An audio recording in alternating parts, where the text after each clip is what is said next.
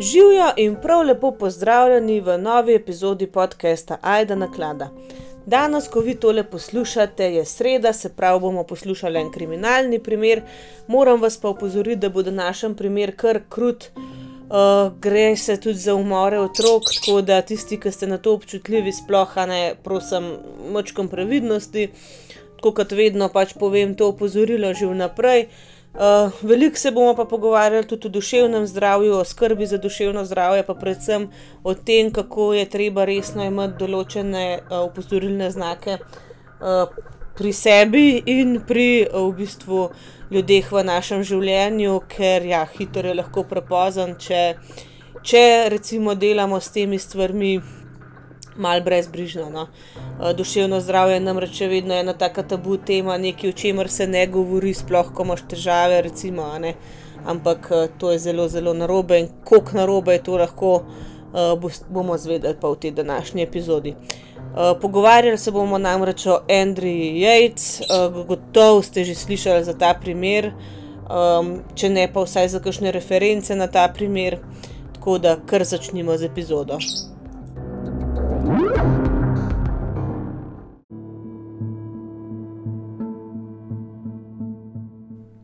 No, v naši današnji zgodbi bomo spoznali kar ene par ljudi, ampak glavna junakinja, oziroma ni lih junakinja, no, glavna oseba današnje zgodbe je Andrea Yates.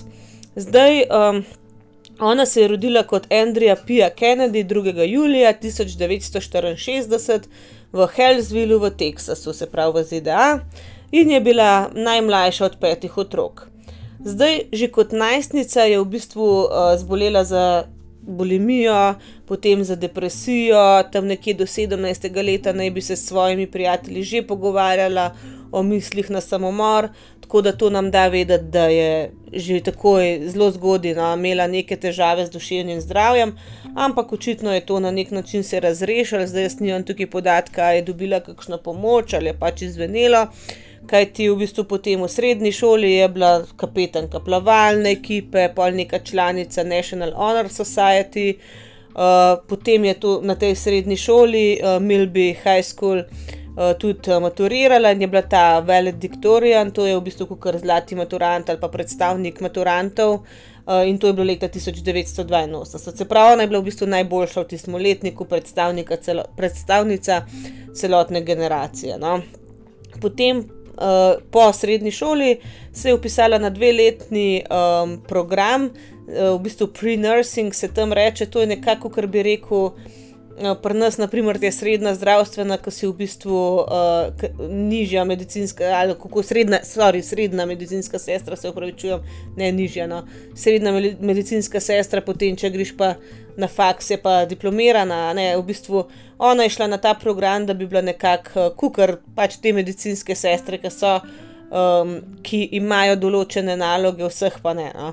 Tako da, ja, to, na to se je upisala na univerzo v Houstonu. Um, ampak kasneje no, je pa potem diplomirala na University of Texas Health Science Center, tudi v Houstonu leta 1986. Se pravi, je nekako iz zdravstva ona pol uh, diplomirala um, in potem po diplomi, a ne potem, ko je končala uh, na univerzi, se je po, potem tudi. Uh, V bistvu oni se morajo registrirati, no, Eh, kot eh, medicinska sestra, se je pač prijavila na um, Texas MD Anderson eh, Cancer Center uh, in v bistvu tam je delala, se pravi, na onkologiji. Um, in ko je delala tam, uh, je spoznala Rasela, Rastija Jajca, uh, nekako poleti leta 1989. Zdaj, uh, ona naj bi bila zelo tako zadržana in taka, tako da ja, ni bilo jih uh, eh, jasno, kako in kaj sta ona dva skupaj prišla, ampak na nek način pač sta. In um, potem, ko sta pač nekaj časa hodila, ko sta bila par, sta se vendarle potem uselila skupaj in poročila 17. aprila 1993. Kmalo potem uh, sta skup, skupaj kupila tudi eno hišo s štirimi spalnicami v mestu Friendswood. Um, zdaj, Andrija no, um, je bila zelo tako jaz sem imela občutek, da je bila prej dosta tako usmerjena ne le v kariero kot tako, ampak pač v svoje delo, ki jo naj bi tudi veselilo. No? Ampak uh, februarja, 26. februarja 1994 se je rodil njen prvi sin, Noah Jacob, uh, in kmalo potem no, so se pač preselili v Semin Seminole na Floridi, no, kjer je pač v bistvu bila ras, uh, rastiju ponujena ena služba. No. Zdaj, um, s to selitvijo pa ni bila edina sprememba, pač sama lokacija, uh, ampak so se dejansko preselili v eno manjšo prikolico. Uh, zdaj z majhnim otrokom prikolca najbrž neki ni lih uh, idealno, ampak ok, ne se včasih kakšno prehodno obdobje pač pre, preživiš, potrpiš. No? Ampak že 15. decembra 1995 je rodila drugega otroka, spet sina Johna Samuela. Uh, zdaj, potem so se preselili nazaj v Houston in septembra, 13. septembra 1997 se je rodil že tretji sin Paul Abraham. Zdaj, a ne, vidimo, da otroke sta imela res kar hiter enega za drugim, se pravi 94, konc leta 95 in potem uh, septembra 97. Tako da ja, ona je, mislim, da vmes ni nič dejansko več šla nazaj v službo, da je bila doma in uh, pač gospodinja, kako koli. No.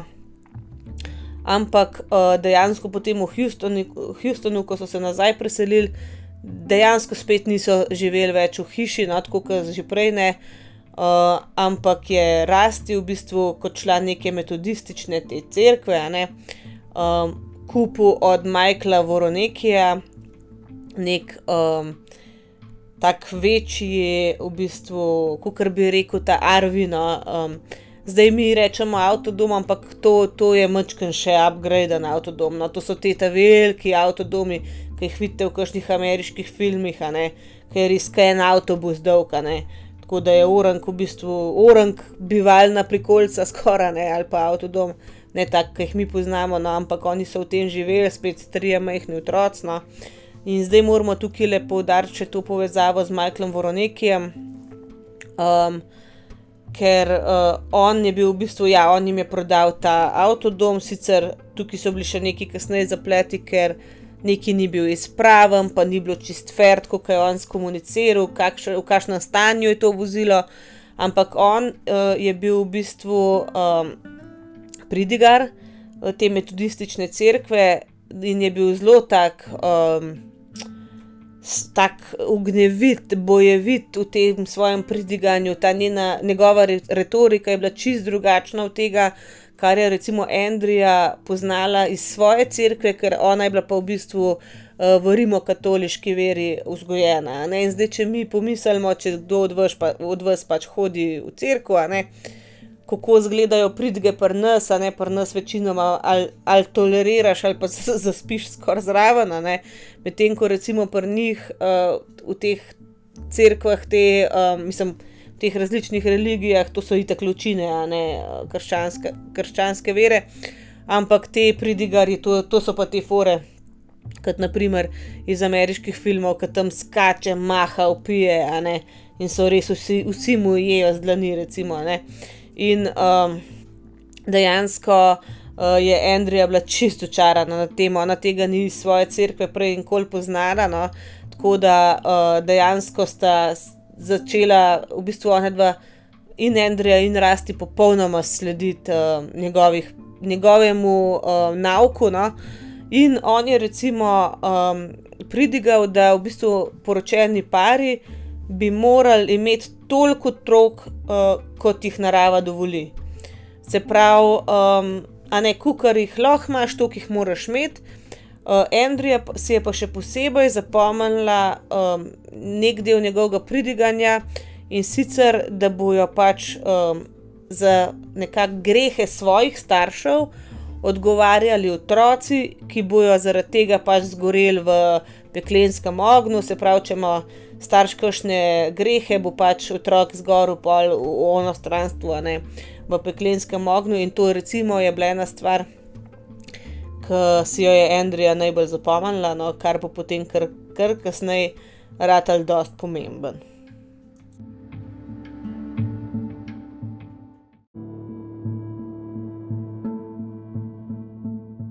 Zdaj, tako kot smo rekli, oba dva, Rasti in Andrija, sta verjela, ja, da morata imeti toliko otrok, kot jih pač lahko fizično mata. Uh, ampak nažalost je po tretjem sinu uh, imela Andrija pač en splav, uh, je splavila pač, seveda, a ne spontano, um, enega otroka, ampak kljub temu, no, jo ni to ustavil in je uh, četrtega sina uh, Luka Davida 15. februarja 1999 pač rodila, uspešno vendarle, ampak hiter, hiter, um, kmalu potem, no, um, po rojstvu tega otroka, se pravi, to je bilo februarja, je ona začela kazati znake poporodne depresije in poporodne psihoze. Zdaj, poporodna depresija je nekako Dajmo reči, vsaj vemo, da obstaja. Ne bom rekel, da je do znana stvar, ampak vsaj vemo, da obstaja. Zdaj, uh, američani temu rečejo baby blues, čeprav vemo, da to ni tako uh, lahkotno, kot se s tem uh, nazivom sliši. Poporodna depresija je lahko zelo, zelo huda stvar, ne?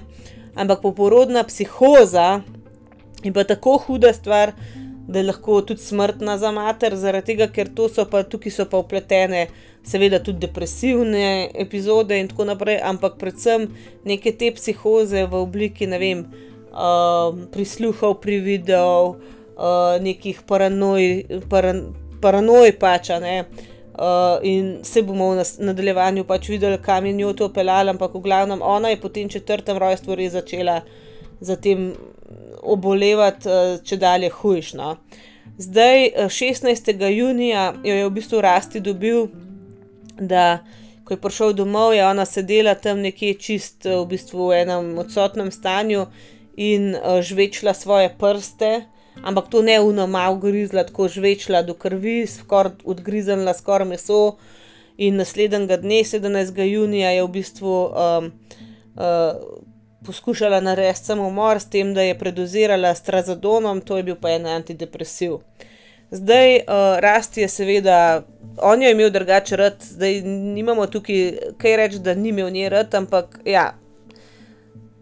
Kasneje se bodo pokazale druge težave, ampak dejansko on takrat, ko je videl, kako je to hudo, najprej s tistimi prsti, pol naslednji dan s tem poskusom samomora, jo je takoj odpeljal v Methodist Hospital, ne v metodistično um, bolnišnico, uh, kjer so jo pol uskrbeli uh, in mislim, da tukaj na tej točki so jim mogli tudi želodec črpati, to, to ki je že predozirala. Uh, tako da tam so jo potem uh, diagnosticirali zelo, zelo hudo depresiv, depresivno motnjo in so ji pač um, uh, predpisali nek antidepresiv.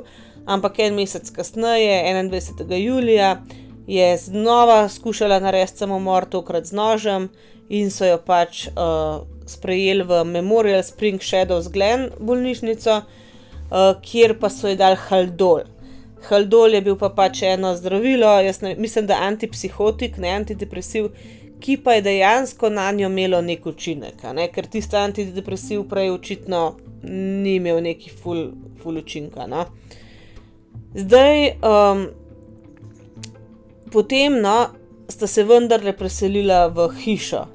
Jaz mislim, da mlada mama, ki ne hodi pač nikamor, v bistvu, ona je bila skozi doma skrbela za družino, štirimi majhnimi otroki v um, fucking prikolici. No? Mislim, jaz ne vem, no, kaj je on mislil, ampak pač tudi če ne bi imel neke predispozicije za eno mentalno pač, težavo, mislim, težavo v duševnem zdravju.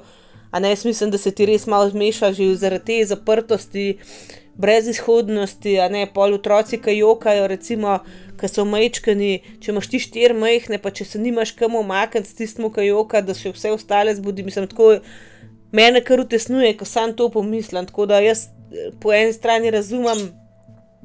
Vsaj neko to, kako bi rekel, uh, objektivno razlago tega, kar se je dogajalo, ampak ja, pač ne vemo zdaj, kaj je bil razlog, samo najbrž to, kje so živeli, tudi ni pomagalno in dejansko so se pol preselili v hišo. Um, in um, počasi pač s to selitvijo in s tem jemanjem haldola, ne, uh, se, je njena, uh, se je začelo njeno stanje nekako umirjati, stabilizirati, uh, ampak ne, pač ona dva sta pač verjela, da morata imeti čim več otrok, toliko, kot jim pač imajo narava dovoljuje. No. Um, ampak ja, uh, dokler je bila na tem antipsihotiku, seveda to ni bilo priporočljivo, uh, že zaradi zanositve, pa pol tudi razvoja otroka samega. In sta želela nekako v bistvu prekiniti uh, z jemanjem teh zdravil, zato da bi ponovno zanosila. Uh, zdaj, pač ona je imela, seveda, psihiatra. In v tem obdobju je bila to psihi, psihiatrinja, psihiatrinja, se upravičujem, dr. Aileen Starbranch, Starbranch uh, ki je zelo resno vzela njeno stanje in tudi zelo realno ga je videla, in je ona pač njima rekla, da nikakor tega početi, boh ne da je, a ne prekiniti s temi antipsihotiki, s tem pač zdravilom, da to ni kar tako, ne, da ti ne moreš kar se zmišljati, pa zdaj le ga bo malo jemal, pa malo ne, da pač, a ne, valjda, no, tako kot vse druge, jaz mislim, da tako nekim razumskim ljudem uh, ni treba tega posebej uh, razlagati. Ne. Zdaj še ena stvar, a ne, jaz vem, da med ljudmi je do teh zdravil, sploh raznih za duševne motne, veliko enih nasprotujočih si mnen. Jaz mislim, da veliko stvari se da rešiti s terapijo, pač s psihoterapijo, kako koli, ampak so pa stvari, ki so posledica neke čist kemije, nekega neravnovesja v možganjih, kar je očitno pri Andriji Jejc bilo. Ker drugače pač ponavadi, kadar stvari niso neke fizične narave, itek te zdravila ne pomagajo. Ne? Um, ampak pri njej več kot očitno je bila pač neka čisto organska težava, ker je ta haldol njej dejansko pomagal. Samo pač ta doktor Eileen Star, Starbranch je njima dopovedala, ona dva sta imela mnenje, da uh, ko je on, ona začela jemati haldol, ne, um, je to zelo hiter prijel in je ful dobro pomagal in bo mi dva pač zdaj to nehala jemati. In pol naslednjič, recimo, ki bo spet rabila, če se ji poslabša, bo pač spet jemala in bo spet vse dobro. Ampak doktor Starbrančova jim je lepo povedala, ni nujno, da bo takrat spet pomagal. Ne? Pač to ni kar tako, zdaj le daš na pauzo, pa pa naprej jemliš. Da včasih pač potem zadeva ne pomaga, če si ti jemal neredno. No? Uh, to je tako, kot recimo, ne vem, antibiotik, ki ga se, ok, se mehanizem zdravila je drugačen, ampak antibiotik, recimo, če ti ne jemliš um, vmes, naprimer, tako kot ti reče, ne na 8 ur, če ti predolg vmes med dvema tabletoma čakaš, pa lahko popusti, ker pač se zmanjša učinkovina in ne, ne učinkuje vmes in si spet na nuli, v glavnem. Pač ni treba jemati, kot so rekli, in ne kar nekih delati umestnih pauz zaradi tega, ampak kakorkoli, ona dva sta po svoje naredila, tudi od dr. Starbranch sta se poslovila takrat, ne sta jo zamenjala in dejansko je potem Andrija zanosila um, in rodila hčerko, vendarle ne peti otrok je bila hčerka, Mary Debora, uh, 30. novembra 2000. Zdaj najbolj se sprašujete, kako je lahko tako hitro zanosila. Uh, dejansko je v enem intervjuju uh, nekdo povedal, da je Andrija se pohecala, pa pohvalila, da je rasti večkrat klical Fertile Myrtle, da pač ona je bila tako plodna, da malo mal bolj si jo pogledal, pa je bila že noseča, tako da juhaj, ne, full dobr. Uh, ampak ja, uh, dejansko je potem rodila 30. novembra 2000 hčerko in je bila nekaj časa celo stabilna. Ampak to vse se je pa končalo 12. marca 2001.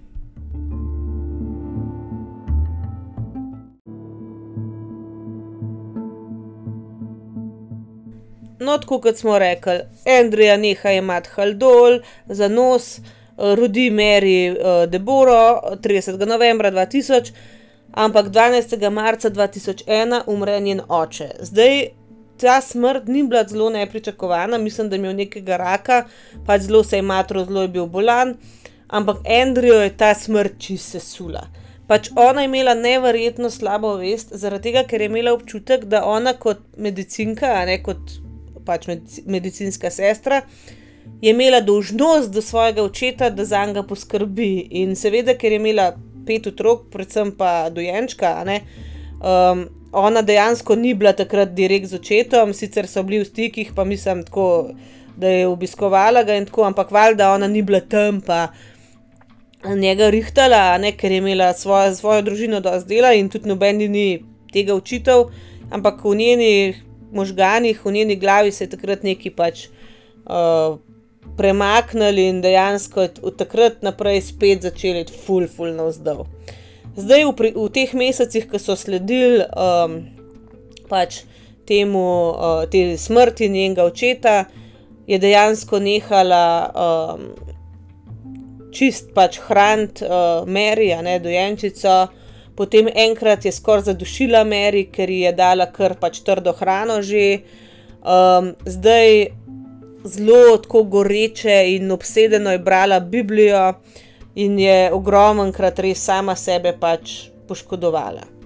Uh, bila je tudi hospitalizirana uh, v Devero Treatment Center v Lake Cityju 31. marca uh, in takrat je za njo pač skrbel uh, dr. Mohamed Said, ki pa pač je predpisal ena druga zdravila. Zdaj rasti je takrat zahteva od tega zdravnika, da ji predpiše Haldol. Pač da Haldol je dobro deloval prejšnjič in da bo tudi zdaj deloval in da naj ga predpiše. Ampak Mohamed Said, doktor Mohamed Said je pač predpisal nekaj drugega, zakaj se je tako odločil. Jaz mislim, da je imel neke, uh, neke tehtne razloge. No.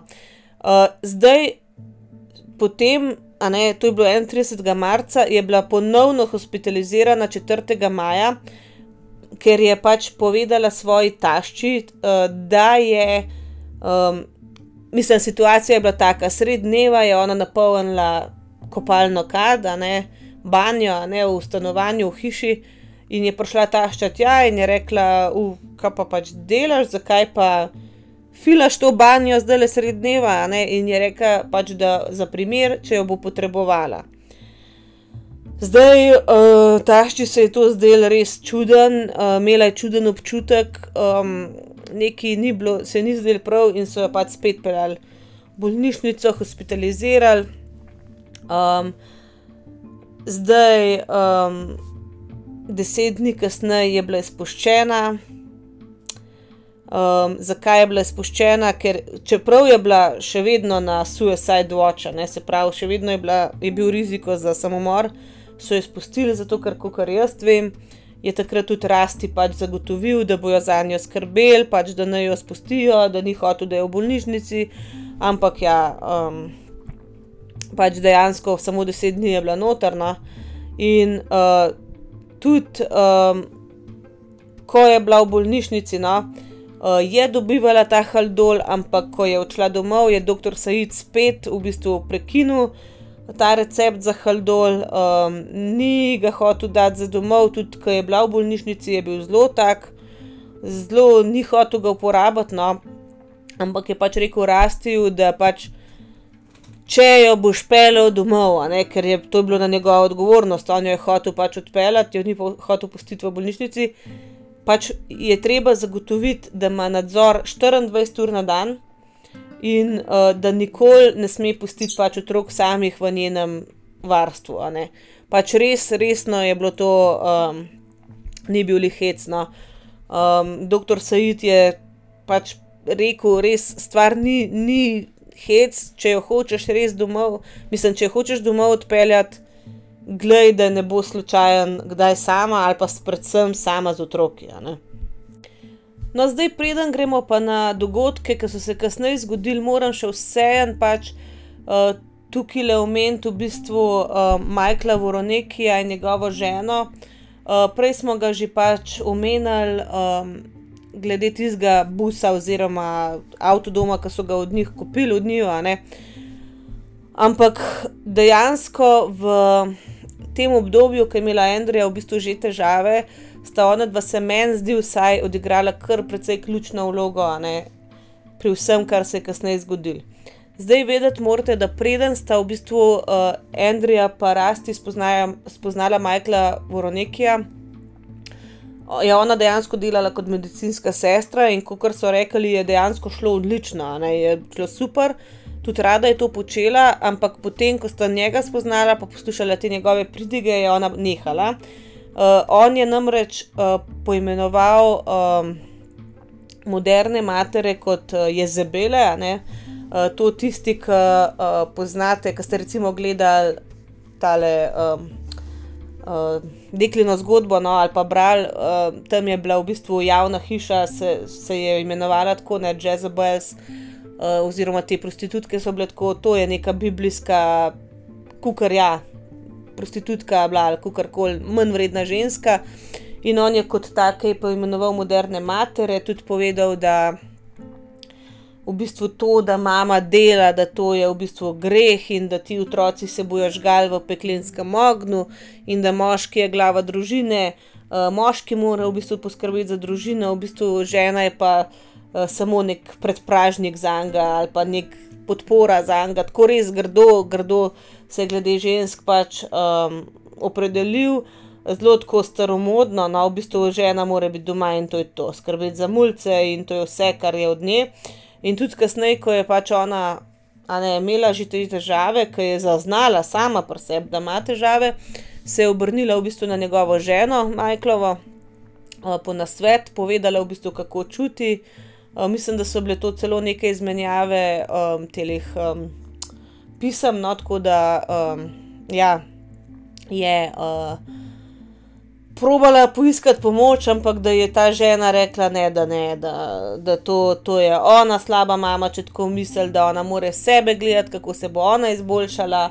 V bistvu nobene podpore ni dobila, in tudi tako, pač teh dveh, teh zakoncev se fulno omenja pri celotnem primeru, čeprav se meni zdi, da bi se jim morali, ker dejansko pač meni se zdi, da ima ta ful večjo vlogo v bistvu pri vsem tem, čeprav Michael Voronek je v bistvu to vse čist zanikano.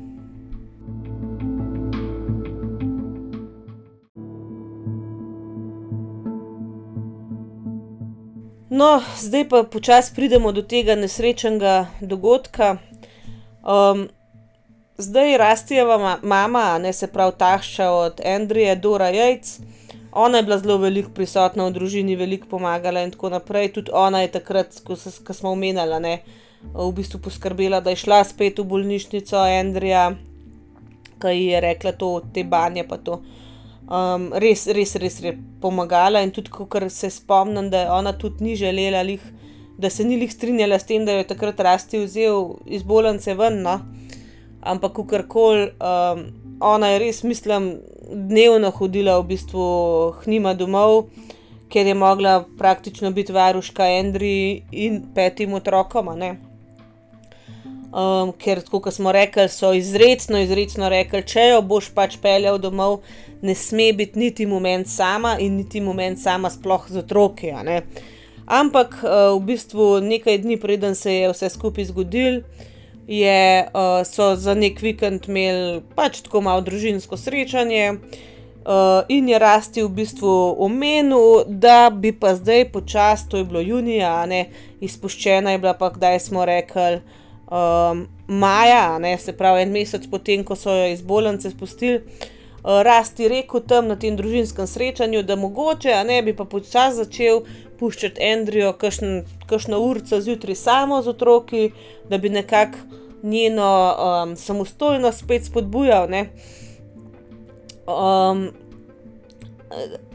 Dobro, no, kako je to pameten ali pa ne, ne vem, mislim, vem, da ni pameten, ampak zakaj je prišel na to idejo, ne vem, ampak kakorkoli. Pač on je imel idejo, da bi začel pač Andrijo malo puščati samo.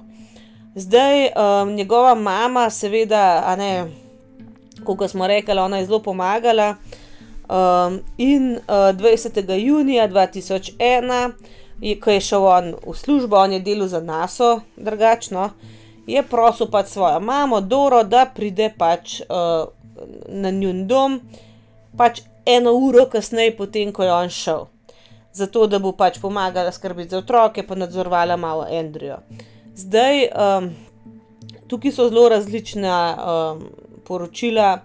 Zdaj eno je, da je mama zamujala, pa je bila zato ona eno uro sama, drugo je, da je pač on sam tako naročil, ampak kakorkoli, približno eno uro je bila Andrija s svojimi otroki sama.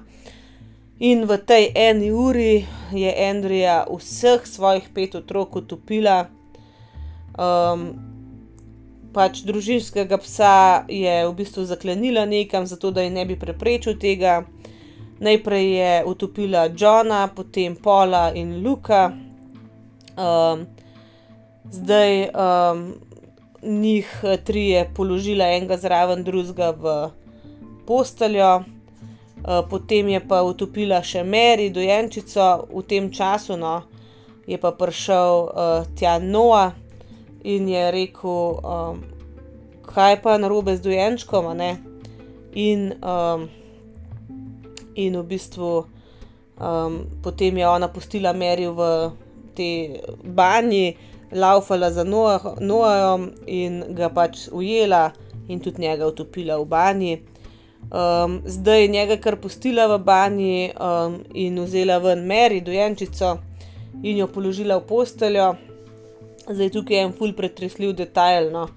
Uh, dejansko je dala Meri v uh, naročje Johnu, oziroma tako da je imel John pač roko okoli nje, ker naj bi pač, um, naj bi pač bil John že tako v času, ko je bil živ, zelo dober brat, da je zelo skrbel za svoje sorojence in da bo pač na ta način on skrbel za svojo sestrco tudi potem v nebesih. No. Uh, zdaj, potem je Andrija takoj poklicala policijo, večkrat jih je mogla poklicati in jim ni znala povedati, kaj se je zgodilo. Pač sprašvali so, je kdo, aj s kom kaj narobe, ja, pridite, pridite. Um, ampak ni hotela direkt povedati, kaj je bilo. Potem pa je poklicala Rastija um, in mu rekla, da naj takoj pride domov. Rasti je sicer vprašal, um, a, se se je kaj zgodilo, in je rekel, ja, uh, je komu pa, pa je rekel otrokom, in je rekel, ja, komu od otrok pa in je rekla vsem. Tako da Rasti je takrat rekel, da mu je kar želodec se obrnil, da je vedel, da je nek, nekaj hudega, da imamo svojo klicu, če je že tam in tako ni bila. Ne? Tako da ja, potem je on hiter šibil pač nazaj domov. No, potem je prišla policija in Andrija naj bi tam sedela, kar v kuhinji, da je bila še vedno vsa mokra, mokre lase in tako. In uh, da je policaj rekel, ja, kaj pa je narobe, a ne pa reka pač otroci. In da je on, sploh ni, ne vem, mislim, da takrat kar pol ni več niti govorila, da je sam z roko pokazala in da je on šel tja in je videl na pojstlu nekaj, da je pokrito in da je odgrnil. In da najprej je bil pač ten dojenček, in da je rekel, da je izgledal, da je ljudka, pač igrača dojenček. Uh, ampak pa je pa začel odkrivati in je videl pač vse štiri otroke v posteli. In ko je šel naprej raziskovati hišo, je našel pod, pač pol Noa, Noaha, Noaja, kako bi se to rekel, v glavnem njega, no, ki je pa še vedno lebdel na gladini v um, banji. Potem so pa seveda Andrijo zaslišali in tale posnetek, ki vam ga bom zdaj zavrtela, mislim, da je ali z tega dne ali pol takoj naslednji dan, v glavnem takoj pol po tem, po tem dogodku, ker Andrija nikoli ni skrivala, v bistvu, kaj se je zgodilo, ali pa se kaj ven vlekla, pač tako je povedala, da je ona to naredila in kaj je naredila. Tako da le vam bom zavrtela pač ta posnetek, pa lahko prisluhnete.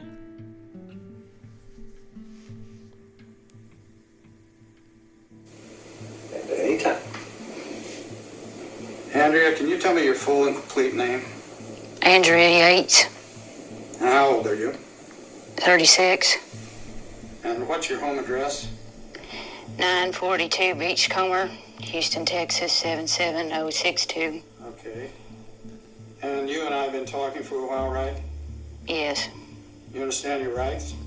Yes. Okay, I'm going to read them to you again for the purposes of this recording, okay? Okay. And you have a right to remain silent, not to make any statement at all, and that any statement you make may be used against you and probably will be used against you at, at your trial. Do you understand that? Yes. Any statement you make may be used as evidence against you in court. Do you understand that? Yes. You have a right to have a lawyer present to advise you prior to and during any questioning. Do you understand that? Yes. If you are unable to employ a lawyer, you have a right to have a lawyer appointed to advise you prior to and during any questioning. Do you understand that? Yes. And you have a right to terminate this interview at any time. Do you understand that? Yes. Okay. Um, you've been treated for depression. Is that right? Yes. And who's your current doctor? Dr. Said, And the last time you saw him? two two days ago, Okay. This morning, uh, what time is it that you uh, got out of bed this morning? about eight ten. Okay. And who in your household was awake at that time? Um, my husband, Mary, Luke, and Paul. Okay. And what time does Rusty leave for work? He left about nine. And by the time Rusty left, were all your children awake at that time? Yes. Okay. What was going on in the household at that time? Were they eating breakfast? Yes. Or what? Yes. What were they having? Cereal. Is that what you had as well? Yes. And Rusty left, and you filled the bathtub with water, is that correct? Yes. And how many bathtubs are in your home? One. Okay. So it's just the, uh, the master bath, I guess you would call it? Yes. Okay, is it a regular sized bathtub or is it a big one? Regular size. How far did you fill it? About three inches from the top. About three inches from the top, huh? After you drew the bath water, what was your intent? What were you about to do? Drown the children. Ja, in tukaj se posnetek konča. Čez hladno je ona pač to povedala, pač da je hotela utopiti otroke. Tako da tukaj ni bilo nobenega dvoma, kaj se je zgodilo.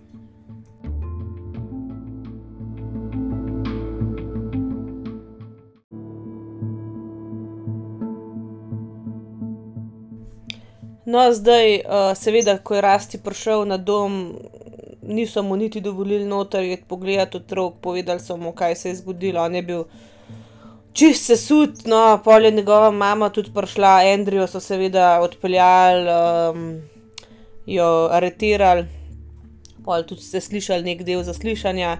Ampak zanimivo je, da v bistvu Rasti je vse čas, a ne. Ves čas ne zagovarjal jo, ampak govoril ljudem, da ona je pač bila bolna, da ona je imela svoje otroke rada, ampak da je bila več kot očitno bolna. No. Um, zdaj ona je seveda priznala, da je umorila svojih pet otrok, ampak potem, ne, ko je šla zadeva na sodišče, so pač njeni uh, odvetniki rekli, pač, da naj ne bi bila kriva uh, zaradi seveda neprištevnosti.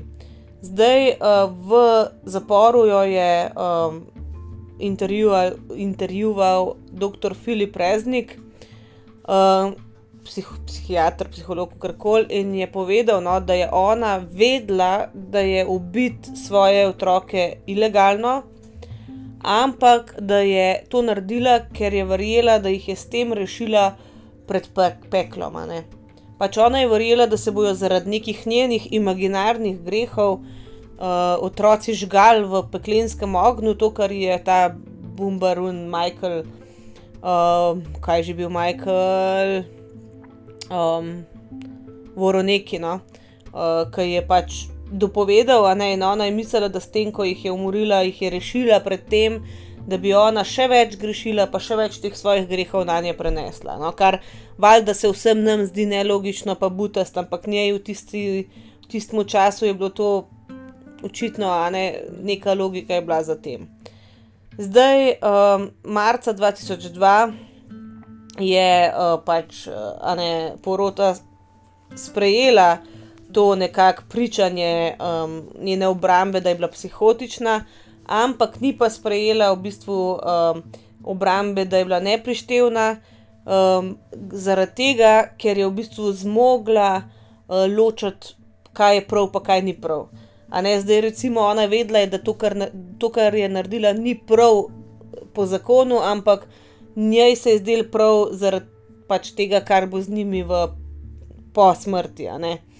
Tako da um, zdaj uh, porota je seveda takoj zavrnila smrtno kazen, no, uh, čeprav jo je pač uh, ne tožilc zahteval, ampak so jo pač uh, obsodili na doživljenjsko ječo v Texas Department of Criminal Justice, kar bi pomenilo, da bi bila vsaj 40 let v zaporu, preden bi bila uh, pač primerna za pomilostitev, sploh kakršno koli možnost po- pomilostitve. Zdaj samo tok za intermeco. Andrija je bila v tistem času stara 37 let, uh, njeni otroci so bili pa stari Noah 7 let, John 5 let, Paul 3 leta, Luke 2 leti, Mary je bila pa stara 6 mesecev. No. Uh, v glavnem, potem no, um, je v bistvu bilo leta 2005 razkrito, da je nekako uh, priča od um, te. Um, Od preiskovalcev, no, od uh, tožilca, no, dr. Park Dic, da je on pač dal lažno pričanje. On je namreč no, rekel, uh, da je pač Andrija gledala neko epizodo Law and Order, ne zakon in red, to serijo, ki smo jo tudi pri nas spremljali dolg, uh, v kateri je nekako ena ženska um, utopila svoje otroke in je bila pač uh, oproščena na podlagi nepreštevnosti. Uh, zdaj, če bi bilo to res, ne, zdaj, zakaj, zakaj je ta pričanje sploh pomembno? Če bi bilo to res, če bi ona res to prej gledala in dobila tam neko idejo, pomeni, da je zadeva naklepna. A ne, da je ona videla, aha, ona je to pa to naredila, če naredim to še jaz, lahko uidem pravici, zaradi tega, ker me bojo razglasili ali kakorkoli za neprištevno in mi ne morejo soditi. A ne, simple as that. Problem pa je v tem, da je dr. Park Dic bil dejansko kot sodelavec pri Law and Order, ne, um, strokovni sodelavec ali scenarist celo ali nekaj tacga. In ta, ta epizoda, o kateri je on govoril, prej ni obstajala. Mislim, da kasneje je bila ena podobna, ampak preden se je zgodilo, epizoda pa, pač ni obstajala sploh. In, um, in on se je dobesedno zmislil, uh, zato da bi bolj nekako en point s tem dosegel. Uh, in tudi problem je, ker si je dejansko zmislil, ker kot sodelavec pri tej uh, pri tej oddaji, ne, on ni mogel zamešati, pa ojoj, jaz sem mislil, ne, da je bila ena taka epizoda, ne, ne, model, ti dobro veš, kaj je bilo in kaj ni bilo. In on je dejansko neko laž uporabil v prid tožilstva. No, tako da na podlagi te informacije eh, so v bistvu januarja 2006 eh, začeli novo sojenje, in na tem sojenju je bila pa spoznana za nedolžno na podlagi uh, pač uh, neprištevnosti. Uh, Julija, že ne, istega leta je se sojenje zaključilo, uh, ampak v bistvu po tem sojenju je bila poslana v, Dno- v North Texas State Hospital. Zdaj, mečken um, ozadja. To ne pomeni, da je ona zdaj frej, frej pač da je svobodna in kukorkoli, ker to smo že v eni epizodi govorili, si malo ljudje na robe razlagajo te pač uh, nedolže na podlagi neprištevnosti. a Ne? Ta obsodba ni nič kaj zelo dobra, zaradi tega, ker v bistvu, če si kriv, dobiš tok pa tok let, po tokih letih imaš možnost, možnost pomilostitve in tako naprej, um, greš v zapor. Če si nedolžen na podlagi neprištevnosti, ne pomeni, da nisi tega naredil. To pomeni, da si pač to naredil, ampak si bil med tem neprišteven. Pač nisi bil mentalno zdrav, no zdaj se to čuden sliši, ampak kakorkoli neprišteven si bil in si prav tako zaprt. Ampak pač takrat v tem primeru si ti zaprt v eno institucijo, v zdravstveno ustanovo, tako kot ona zdaj je. In tudi dejansko ni rečen, da boš ti kadarkoli ven prišel. Ker v bistvu skoraj nikoli iz teh inštitucij ne spustijo ljudi, ker ljudje, ki so v bistvu naredili nek kriminalno dejanje na podlagi neprištevnosti, so zelo redko rehabilitirani. No. Tako da tudi Andrija Jajc najbrž iz tam nikoli ne bo prišla. No. Um, zdaj še, tako da ja, ni zdaj ona Freja ali kar koli. Še ena stvar, ki se je vmes zgodila, no, rasti pač on je vse čas njej stal ob strani tekom te, um, tega sojanja. Uh, se je pa pač ločil od Andrija Jajc uh, avgusta 2004, ker je pač rekel, da ne, ne živite več skupaj, ona je bila pol v zaporu in se je potem, um, hit, mislim, 2005 je bila ločitev, je bila ločitev pravnomočna, kasneje se je poročil spet, uh, imel še enega sina, ampak se je pač tudi njegova druga žena od njega hotela ločiti. Uh, tudi on je meni tako en tak lik, ki mi ni čist, nekaj na njemu mi ni všeč. No. Uh, ampak ja, kar koli zdaj imamo na njemu nekaj full krivde iskali, čeprav mislim, da je ogromno. No. Jaz mislim, da v tem primeru bi moral biti on prav tako kaznovan, ker prvo kot prvo je ni pustil v bolnišnici, takrat ni upošteval navodil zdravnika, uh, sej tudi ona ni. Pač recimo, ko so jim rekli ne imeti njima so dejansko rekli, še, če boste imela še enega otroka, ta, ta petega, ne, uh, se lahko stvar ful poslabša in sta oba dva se strinjala, ne bo tvegala. Ampak v tem primeru, ja, tudi ona se je strinjala, ampak ona je bila bolna. Zdaj ti, če si pa zdrav zraven, moraš prevzeti to odgovornost, pa se odločiti prav za oba. Ne. Ampak tudi on je ustrajal pri tem, da ima ta še enega otroka, ustrajal pri tem, da neha imeti zdravila, ustrajal pri tem, da gre ven iz bolnišnice, ker sam dobil idejo, da bi pa probala biti bolj samostojna. Ona, v glavnem, ful napačnih odločitev je on tukaj sprejel, ker so pa pol se mi zdi res prpelale do vsega tega sranja, pri katerem je polk vse skupaj končalno. Tako da ja, pač rasti ni imel nobenega pregona, nič pač vse na njo padal. Ampak, kot smo rekli, dejansko so ugotovili, da je bil razlog za to dejanje ta depresija in psihoza. Um, in da bolj kot neko um, nek zapor, pa neko kazano na rab, res intenzivno um, zdravljenje no, njenega duševnega zdravja. Tako da, ja, um, zdaj njen odvetnik je bil, um, je bil George Parn Parnam. Uh, v tem času, ko je ona pač dosegla to drugo sojenje, pač to ne lih pomilostitev, ampak drugačno obsodbo. No?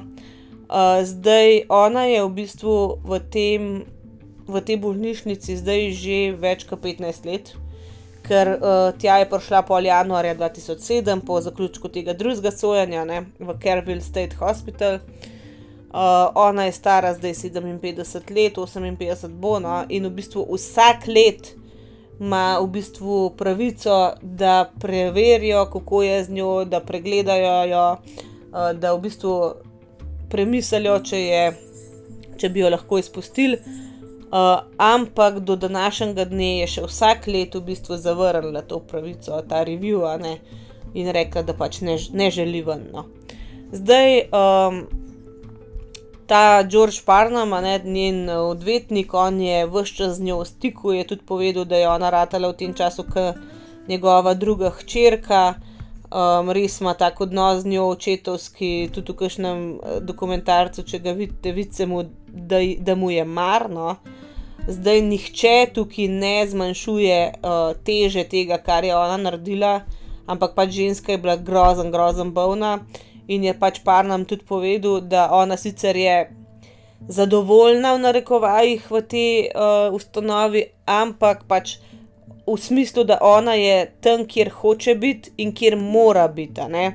Sam ni pa to fora, ona ne more biti zdaj srečna, ne itek ne more biti srečna po tem, kar se je zgodil, ampak ve pa, da nima kam jetno. Da ona prvič nima fizično kam jet, drugo je pa tudi, da ve, da ni varno, da nekam gre. No. Tako da nje je vsaj ta vidik čist jasen.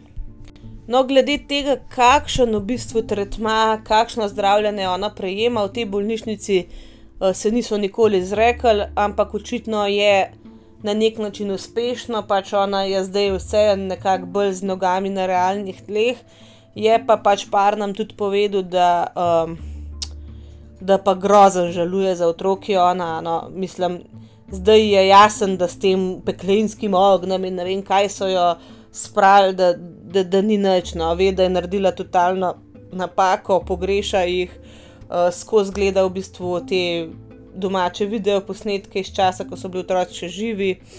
Um, in da je pač dejansko ustanovil Parnam, pa njegova žena, sta ustanovila Yates Children Memorial Fund, a ne pač neko fundacijo, njihov spomin.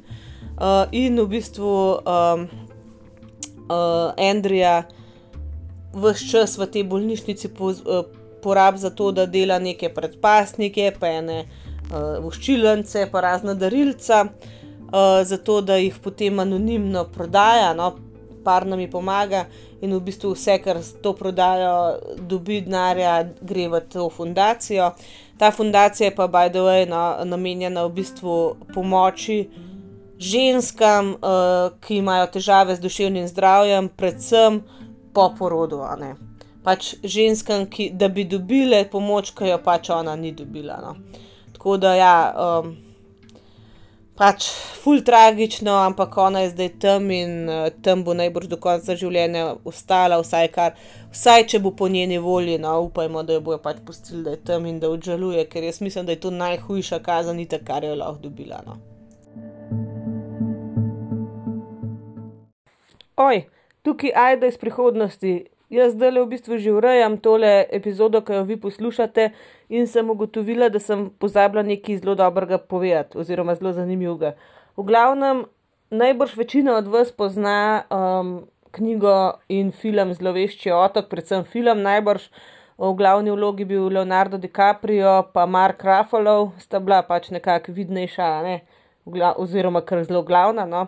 Zdaj, tisti, ki še niste tega gledali, nujno pogledati, pa mogoče tukaj le nehite tole poslušati, mogoče bo en mičken spoiler, čeprav sem potrudila, da ne bo preveč, ampak brez spoilerja ne morem povedati, mislim, valjda ne, ne morem povedati o glavnem. To je bila najprej knjiga, uh, ki jo je napisal Denis Lehane, uh, napiše se D-E-N-N-I-S Lehane, če boste iskali po uh, Kipokobisu ali pa kaj takega. Eh, prevod je zlovešči otok, pri nas je šla leta 2011 pri mladinski knjigi. Uh, v glavnem v tej knjigi se en lik sreča zelo podobno usodo, kot se je tukaj recimo mož od Andrija Jajca. Ne? Tukaj en lik, ne bom zdaj povedala, kater pride enkrat domov in ugotovi, da je um, njegova žena um, utopila vse tri otroke njune uh, v jezeru. Uh, potem ga to zelo zaznamuje in to je vse, kar bom povedala, tudi ne bom povedala, kdo, ne, komu se je to zgodilo, da vam ne spojlam še preveč, še bolj ne. Uh, ampak v glavnem, no, jaz sem, pol, ki sem v, v tem primeru um, raziskovala, tako je pomislila, da me to res spominja na ta prizor. Uh, sem šla malo raziskovati in dejansko je pač avtor uh, knjige Zlovešči otok, po kateri je bil pol film posnet, um, videl naslov pač v časopisu, da je pač mama utopila v uh, kadi doma um, pet otrok, vseh pet otrok. In on je rekel, da je takrat prvič, mislim, takoj pomislil, kako se je ob tem počutil oče teh otrok, ne pač kako je to očeta zaznamoval. In uh, na podlagi tega primera, v bistvu te njegove misli o tem primeru, je on potem napisal to knjigo Zlovešči otok, sem hotela reči krasno knjigo, kar, ampak ne morem reči, ker nimam pojma, kakšna je. Ampak če sodim po filmu, je super. No? V glavnem, uh, ja, dejansko uh, je bil ta primer Andreja Jejc uh, inspiracija no? za knjigo in kasneje film. Uh, tako da, ja. Je povezava, no, če, ste, če še kdo od vas na to pomislil. Je pa Denis Lehejn v bistvu povedal, pol kasneje, um, da uh, sicer on je zelo tako, njegove knjige so zelo take psihotrilerje, no, zelo take krute, brutalne in tako naprej. Gre, da jim reč, gre tja, kamor si mrsikdo drug ne upa jeti, no, kar se teh psihoscen tiče, ampak je rekel, da v bistvu ta knjiga je bila zadnja, um, v bistvu, v kateri se je nekako ukvarjal um, z, z ne vem, nasiljem nad otroki ali pa z umori otrok. No. Da tukaj to je bilo višek, kar je on napisal in se tiče otrok. Uh, tako da ja, očitno je bil tudi njemu ta, ta primer nekakšen vse en, to je pa maksimum, zdaj kamor jaz grem. No. Uh, zdaj sam še tehnikalije, knjiga je bila v bistvu izdana v izvirniku leta 2003, kot smo že rekli, mi smo dobili prevod leta 2011. Zakaj smo dobili takrat prevod, pa ni nobena skrivnost, ker je v bistvu leta 2010 prišel ven ta film, ne, kot smo že rekli, z Leonardom DiCaprio in Markom Raffalom. Uh, tako da ja. Uh, velikrat se, a ne, pri nas knjige prevede, potem, ko je film že zunaj, ko dobi zadeva mačkan medijskega pompa, tako da očitno je tudi tukaj tako bilo.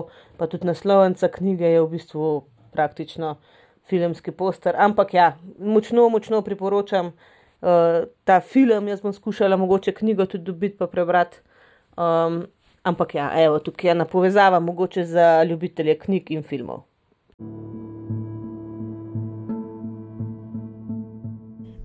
No, za ta primer je v bistvu to to.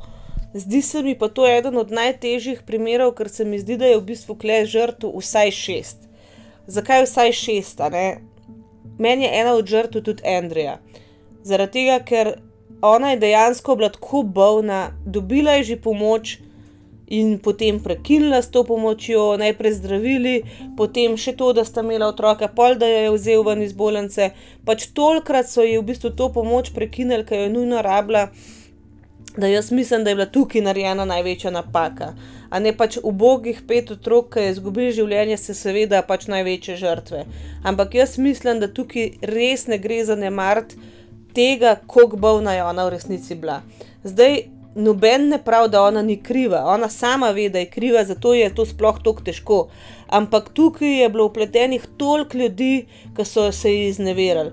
Prvo kot prvo ta pridigar, ki je dajal v glavo ideje, da je ona slaba mati, zato ker ima mentalne, mislim, te psihične težave. Pol njen mož, ki je ni podprl v tem zdravljenju, ki mu je bilo bolj mar za to, da bo izpolnjeval nek nauk tega pridigarja, pa imel kukar hoče otrok, samo zato, ker je on tako rekel, pa tudi če je pa žena spet zbolila. Mislim, se pravim, to so bile vse skupne odločitve, tudi ona je hotla iz bolnišnice, tudi ona je hotla dol zdravil, ampak ko je nekdo v nekem takem stanju, mu ne smeš pustiti odločanja tega. Pač zaradi tega, ker če vidiš, da, ne, da je nevaren sam zase, kar je on dobro vedel, ker so mu dejansko povedali, nevarna je sama zase, nevarna je za otroke, ti pa vseeno se tako odločiš, plus to, da je na lastno pest on v bistvu jo puščal samo doma, da bo ba malo bolj samostojna. Ne? Jaz mislim, da tukaj on, da tukaj on ni žrtev. No? On je sicer v teh raznih dokumentarcih igral res veliko žrtev, kot sem jaz bogi, ker sem ne, pač eh, te otroke zgubil. Ja, valjda je bogi, ne, seveda, sej, če je bil kukar to koredo oče, je seveda bogi, ne pa žaluje, ampak kaj je bil pa čas, je pa totalno pogorel na celi fronti. V glavnem, za to epizodo je to uh, vse, kar je, no, nimam več kaj povedati. Um, zdaj poslušamo se spet v petek, do takrat pejte kaj na moj Instagram profil, ajda na klada podcast, pa povejte kaj, kaj si mislite o tem. Um, Kakšen komentar, no, sploh nimam nekaj vprašanja za vas, danes, ker tale primer je tako, tak, wow. Ampak ja, um, lej, ne vem, ne vem, kaj ne rečem. Bogi vsi upleteni, no. Um, lepo se majte, ostanite do petka varni in zdravi, takrat se pa spet poslušamo in čau, čau. Thank you.